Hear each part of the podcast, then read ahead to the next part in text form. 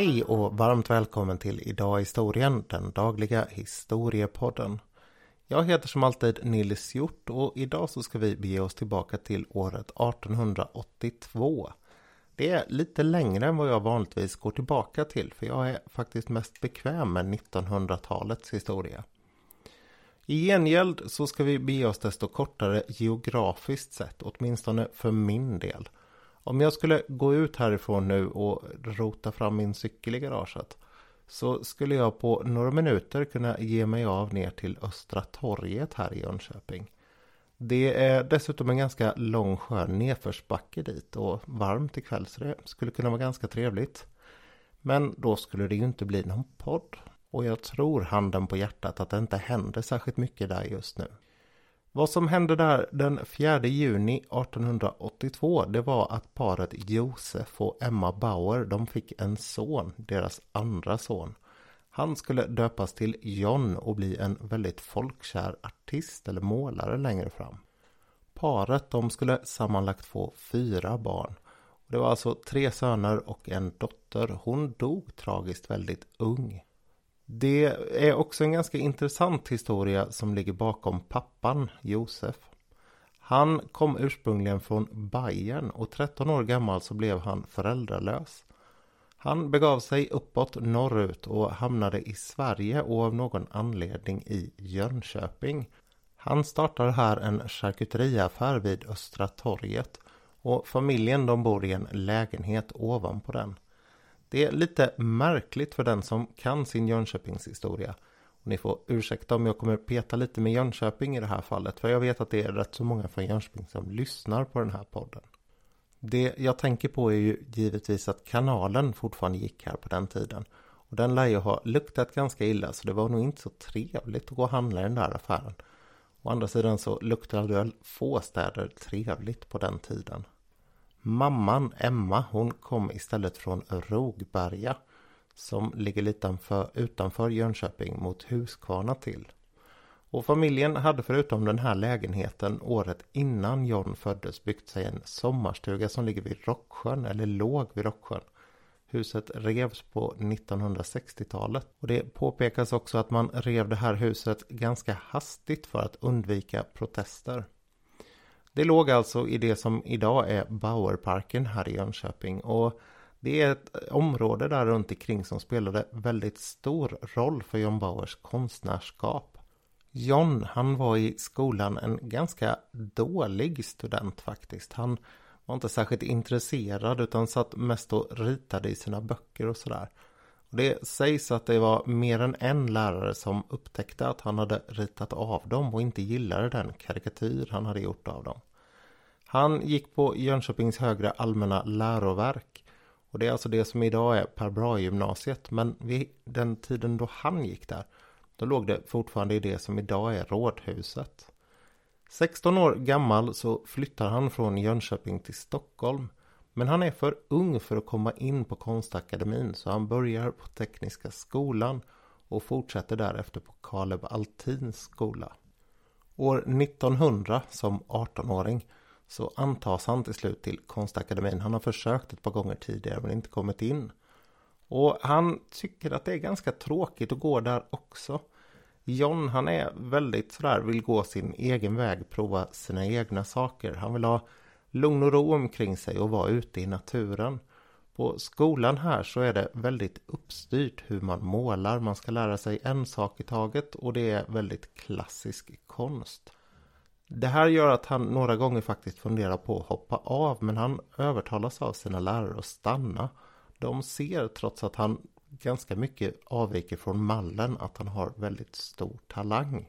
På konstakademin så hade också kvinnor tillåtits gå i, jag tror ungefär tre årtionden vid den här tiden.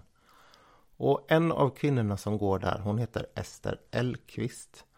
Hon blir väldigt god vän med John. Det är separat undervisning men de träffas ändå. Och det utvecklar sig med tiden till kärlek. De blir ett eh, ganska lyckligt par tillsammans.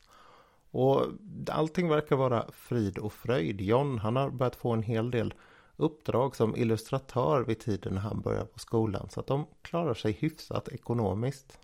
Han provar lite olika stilar under tiden som han målar här. Men när han 1903 får i uppdrag att illustrera Anna Wallenbergs sagosamling Länge, länge sen så blir det 26 teckningar som faktiskt bär den här grundmallen som man sen kommer se längre fram i hans teckningar. Det är väldigt tydligt att det är John Bauer som har gjort dem. Och han utvecklas ju med tiden till en fantastisk sagoillustratör. Vi kan ta och få det här undanstökat redan nu. Han kommer under ganska lång tid att rita bland tomtar och troll och det här är en guldålder för den illustrerade barnlitteraturen. Det har blivit en väldigt stor utgivning och det som har hänt delvis det är att det är inte längre bara rika människor som köper böcker till sina barn utan man riktar sig också väldigt mycket till vanliga arbetare som har råd att köpa böcker nu. Man gör det här också i en nationalistisk romantisk stil så det är väldigt öppet för just det här som John Bauer ritar, det här lite drömska med troll och skogar och sådär. Och den här boken Bland tomtar och troll den ges ut av Åhlén och Åkerlunds förlag. Den börjar komma ut 1907 och han ritar den från 1907 till 1910. Därefter så hamnar de i en konflikt för han vill att han ska få behålla rätten till sina originalverk. Det slutar med att de tar in en annan illustratör, en norrman, men genast så dyker upplagan.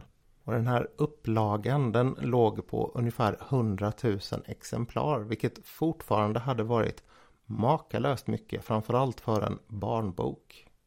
John, han tas in igen och han fortsätter att rita den här fram till 1915. Mellan 1912 och 1915 så kan han också börja använda färg även om han gör det i en ganska måttlig mängd. Det är lite här som eh, geniet skulle man kunna säga i hans eh, illustrerande ligger. Han gör ganska mörka och på sitt sätt ganska entoniga bilder vad det gäller färger. Och sen utnyttjar han istället kontraster väldigt tydligt vad det gäller storlekar på olika saker eller ljuset, hur det faller och lyser upp olika gestalter. Dessutom så har han alltid, eller oftast, för det finns såklart alltid undantag hos en eh, konstnär och illustratör. Men han har väldigt ofta väldigt levande bakgrunder och det där är någonting som kommer återkomma längre fram också. 1915 så slutar han att illustrera de här böckerna och jag ska återkomma till också varför han gjorde det. Tillsammans med sin far så har han 1903 varit på en resa i Tyskland där han har studerat konst och sagor. Och 1906 tror jag det är så beger han sig iväg med sin fru Ester när de åker genom Tyskland och ner till Italien under sammanlagt två år för att studera konst. De har då precis gift sig och är lyckliga, glada. Hon är också väldigt, väldigt talangfull. Det är faktiskt intressant att titta på hennes målningar och tänka sig att hon till väldigt stor del la talangen åt sidan för att sköta ett hemmaliv. Trots att de är lyckliga så finns det en liten konflikt här i grunden. Och det är att John han är väldigt förtjust i sin hembygd, det här området i södra Vätterbygden. Innan paret gifter sig så är John väldigt mycket i ett område lite utanför stan här som heter Västra Jära. Där drar han runt en hel del i skogarna med skissblock och letar efter miljöer som kan inspirera honom. Han är också väldigt mycket runt Mullsjö. Men när de till slut gifter sig och kommer hem från den här resan från Italien då bosätter man sig istället i Bunn som ligger lite utanför Gränna. Det tror jag folk känner till även om de inte är från Jönköping. Och det är alltså rakt över Vättern på östra sidan istället. Även där så finns det fantastiska skogar för honom att ströva omkring i och hitta sin inspiration. Ester däremot, hon är inte lika förtjust i den här landsbygden. Hon skulle helst av allt vilja vara uppe i Stockholm igen. Och hon gillar framförallt inte det här huset man bor i, Villa Björkudden, på vintrarna eftersom det är så pass kallt där. De gör en kompromiss och det slutar med att de bor där på somrarna och sen hyr man på olika ställen i Stockholm under vintrarna. Efter den här resan till Italien när man kommer tillbaka så bosätter man sig ändå permanent på Björkudden. Och i samma veva så får de en son som heter Bengt men som kallas Putte i alla lägen. Tiden upp till det här, före Italien och sådär, den har föregått av en väldigt, väldigt intensiv brevväxling under flera år. John, han har varit här nere i Jönköping och äm, äm, Ester, förlåt, Emma är mamman. Ester, hon har varit mycket uppe i Stockholm och den här korrespondensen, den finns bevarad. Och det är brev som beskrivs både som öppna och kärleksfulla. Väldigt genuina. Men det blir omkring första världskrigets utbrott mer trassel i den här relationen. Ester hon vill mer än någonsin flytta upp till Stockholm. Och John han känner att han har kört fast i sitt måleri. Han är bitvis ganska deprimerad och oengagerad. Sen får han olika uppflammande perioder där han är väldigt mycket mer arbetsam. Han slutar 1915 att illustrera bland tomtar och troll för han tycker att det finns inte mer att göra där. Han vill hitta en ny väg för sitt konstnärskap och det är två olika vägar som han provar på tydligast här. Det ena är att han vill göra stora såna här väggmålningar, muralmålningar. En av dem den gör han i eh, Odd Fellow-huset i Nyköping på uppdrag av Ragnar Österberg. Och en annan den gör han i Karlskrona. Samtidigt så har han ett tvivel genom hela sin karriär. Det har han haft redan när han var tonåring och det har han haft under tiden på konst, eh, Konstakademin. Han eh, ritar ett förslag till Stockholms rådhus, det här rummet som man kan gifta sig i där. Men han skickar inte in det för han får väl lite kalla fötter. Och det här är också 1915. Samtidigt så har han börjat prova på att göra andra saker. En rysk koreograf som heter Mikhail Fokin har varit i Sverige. Och han har eh, förtrollats, får man väl säga, av John Bauers konst och vill göra en ballett av den. Det slutar med att eh, John Bauer engagerar sig ordentligt här. Han ritar dekoren, han ritar kläderna och han skriver faktiskt librettot också. Musiken den görs av Hugo Alvén men det hela det går i stöpet. Det är ju världskrig och krångel och istället så gör han en barnteater som på samma vis ritas och skrivs av honom. Och den får fantastiska recensioner när den spelas sommaren 1915 på Skansen i Stockholm. Han gör året efter en andra föreställning som går på Blancheteatern. Och det är inte svårt när man tittar på hans bilder att förstå att han gillar att rita så här dekor och hur olika figurer förhåller sig till bakgrunden. Han har dessutom i brev skrivit om att han tycker att det är väldigt viktigt att både teater och eh, bildkonst tar med eh, människan från en ganska medioker och tråkig vardag, en dålig värld på sitt sätt, till en fantasivärld som man kan göra hur vacker som helst. Paret är dessutom väldigt kända. Det är inte så konstigt, de här böckerna har ju nått ut till omkring 100 000 personer om året. Och det har ju gjort att det blir en liten sån här kändisvärld runt honom. Så man har såna här hemma hos-reportage där på Villa Björkudden i Lilla Bunn. Men 1918 så bestämmer de sig för att flytta därifrån. Det är nu ordentligt knackigt i relationen och i brevväxlingen så kan man se att det talas öppet om en separation. Josef, alltså Johns pappa, han har gått in med pengar och givit paret, paret en tomt i Djursholm för att de ska kunna bosätta sig permanent i Stockholm. Och det är man på väg att göra i november, 19 november 1918, alltså bara en vecka efter vapenvilan i första världskriget. En annan händelse som ligger väldigt nära det här i tiden det är den stora tågolyckan i Getå. Det var bara några veckor tidigare och då dog det 41 personer där. Det är på stambanan på vägen upp till Stockholm. Och Ester hon säger att hon vill inte åka tåg upp till Stockholm. Det är för osäkert menar hon. Istället så ska man ta den gamla ångaren Per Brahe som kallas för Pelle i folkmun. Det här skeppet det går väldigt ofta överlastat på Göta kanal. Det finns mängder av rapporter om hur det har kört fast och inte kunnat gå vidare i kanalen för att det har varit så pass tungt lastat. Även den här kvällen så är det en rejäl last ombord. Man har med sig järnspisar och plogbillar och symaskiner och sådana här saker från Husqvarnafabriken. Dessutom så har man med sig väldigt mycket fruktmos som ska till Cloetta uppe i Linköping.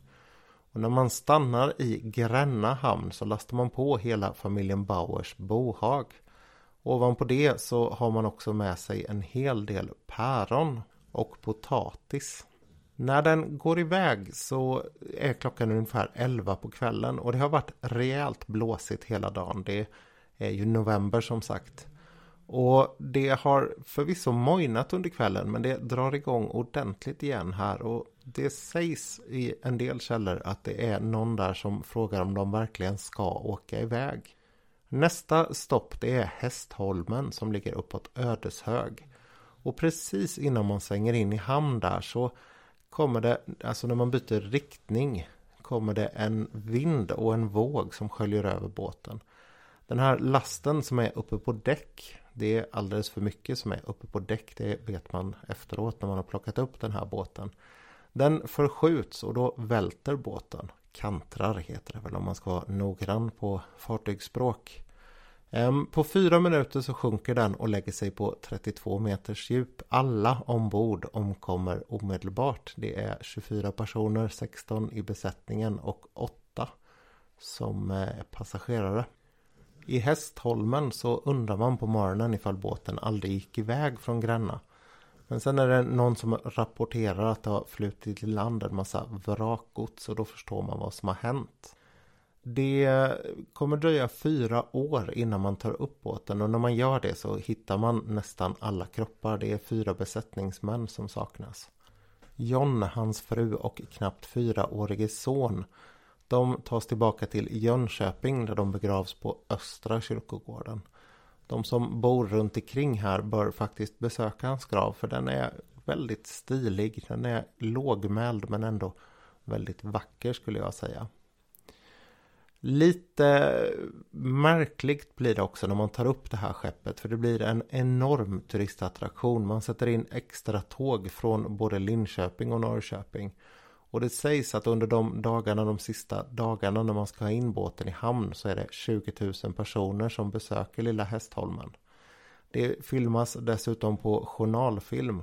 Och mest makabert av allt är att man börjar göra små souvenirer av saker. Bland annat så slår man sönder en av de här symaskinerna och säljer i delar. Och sen beger sig den här båten Per Brahe ut på turné runt om i Sverige i det skick man får upp den och den går för egen maskin hela vägen då. Det finns lite bilder på båten när den ligger i Stockholm och det är ett bedrövligt skick. Det här gör man för att ha råd att betala för eh, bärgningen och för renoveringen. Och skeppet det kommer fortsätta gå några år till i Sverige efter att man har renoverat det men folk är lite sådär Eh, osäkra på om man törs åka med det och det slutar med att det hamnar i Finland där det huggs upp 1959. En annan märklig historia i samband med den här bärgningen det är att man hittade mängder av eh, skisser av John Bauer ombord på skeppet.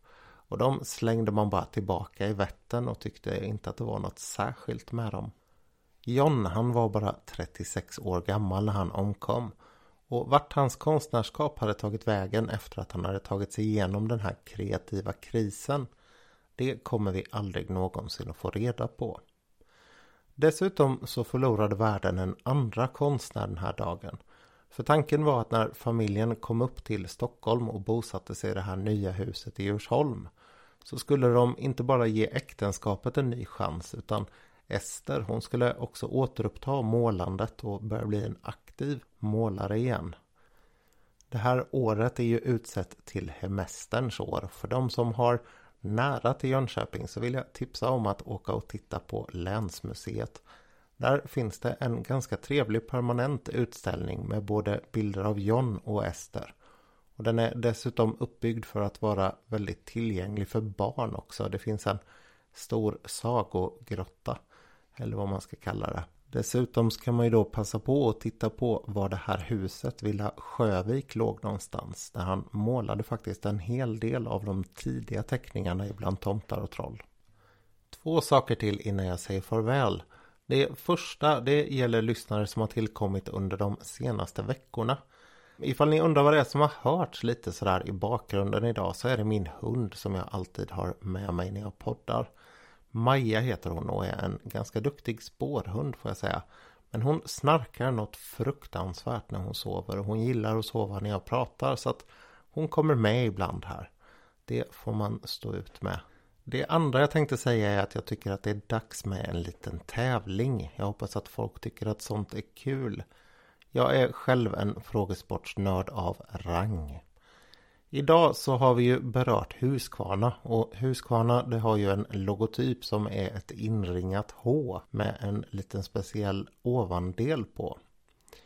Jag får faktiskt skämmas och säga att som Jönköpingsbo så var det faktiskt först för några veckor sedan som jag fick reda på vad det där föreställer.